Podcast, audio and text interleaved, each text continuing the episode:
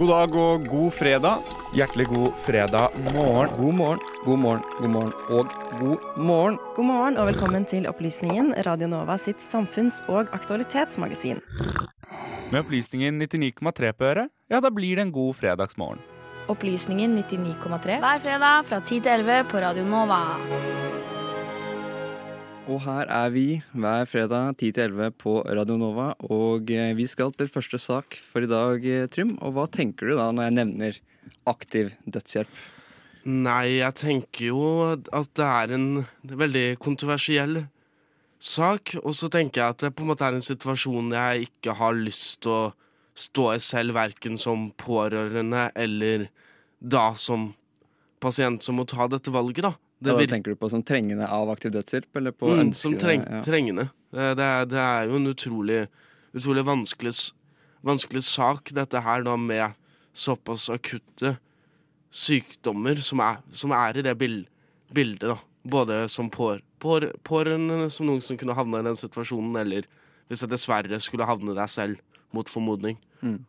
Og Benjamin, det er du som har forberedt oss på, eller som, eh, som eh, gjør at vi snakker om aktivitetshjelp i dag. Eh, og som vi nevnte innledningsvis, er det jo et flertall av det norske folket som er positive til dette med aktivitetshjelp, men likevel så har vi det ikke her i landet. Kan du utdype litt rundt dette nå innledningsvis? Ja, det stemmer. Altså det er eh, Hvis vi skal tro en meningsmåling, så er det altså 77 av den norske befolkningen som ønsker seg aktiv dødshjelp i en eller annen form.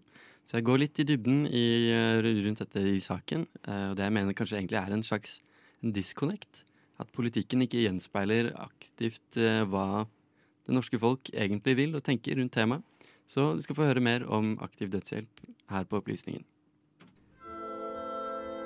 Før vi begynner denne reportasjen, vil jeg komme med en oppfordring om å vurdere de viktige etiske og moralske dimensjonene på egen hånd. I Norge har debatten om aktiv dødshjelp utvilsomt også et politisk nedslagsfelt. Og fordi det dreier seg om en form for selvmord, har vi som samfunn en viss høy grad av berøringsangst rundt temaet. Det er ikke lov, men samtidig har vi gode indikasjoner på at det norske folk er positive til å innføre aktiv dødshjelp. Er politikerne frakoblet folkets ønsker? La oss starte med hva det egentlig er for noe. Aktiv dødshjelp innebærer å lovlig kunne be om hjelp fra helsepersonell for å avslutte livet. Det praktiseres gjerne ved at pasienten får en dødelig dose medisiner som de tar selv, og deretter sovner inn under narkose. Det er legemiddelet Secobarbital som er mest vanlig å bruke. Det er altså en slags bedøvelse eller sovemiddel. Tilhengere av aktiv dødshjelp vil mene at dette er humant, og den tryggeste måten å foreta det på. Og gjerne hører man språk som retten til en verdig død. På den andre siden, straffeloven paragraf 277 lyder Den som medvirker til at noen tar sitt eget liv, straffes med fengsel fra 8 inntil 21 år. Så hvis du er lege i Norge og hadde ønsket å hjelpe en pasient med å avslutte livet, kan du vente samme straff som overlagt drap. Vi har derimot en sak fra 1997 da en dødelig syk MS-pasient ba legen Christian Sandsdalen om en dødelig dose morfin. Legen gjorde som pasienten hadde bedt ham. Sandsdalen gikk selv til myndighetene og ønsket å finne ut om han hadde brutt loven. Sandsdalen-saken ender i at Christian får en fengselsdom for overlagt drap. Men fordi straffen ble utsatt, døde Christian Sandsdalen før han rakk å sone dommen. Gjennom historien har man gjerne kalt dette barmhjertighetsdrap. Det er vanskelig å si noe om mørketall men det er ikke utenkelig at det foregår i det stille.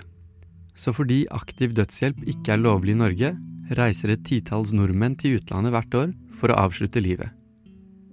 Mange dokumentarfilmer og artikler er laget om klinikkene i Sveits, som var tidlig ute med å tillate aktiv dødshjelp. Men visste du at det er lov i Nederland, i Belgia, Spania, Canada og ti delstater i USA? I tillegg har vi Italia, Tyskland, Østerrike og Colombia, der de har hatt lignende rettssaker som den Sandsdalen-hendelsen vi nettopp var borti. Men Høyesterett har i alle disse fire landene sagt det motsatte, og dømte ikke legene for drap. Med andre ord, aktiv dødshjelp er uformelt lov her, på sett og vis. Hvem er det som egentlig ønsker dette, og hvorfor? I delstaten Oregon har aktiv dødshjelp vært lov i seks år, og det er kun såkalte terminally ill pasienter som kan søke om å få hjelp av legen til å avslutte livet. Til helsemyndighetene i Oregon sier denne gruppen at tre ting er viktige. Sykdom har fratatt dem muligheten til å gjøre ting som pleide å gjøre dem lykkelige. De har mistet autonomi, altså selvstendighet, som følge av den, eller de har følt et tap av livets verdighet som følge av å være alvorlig syke.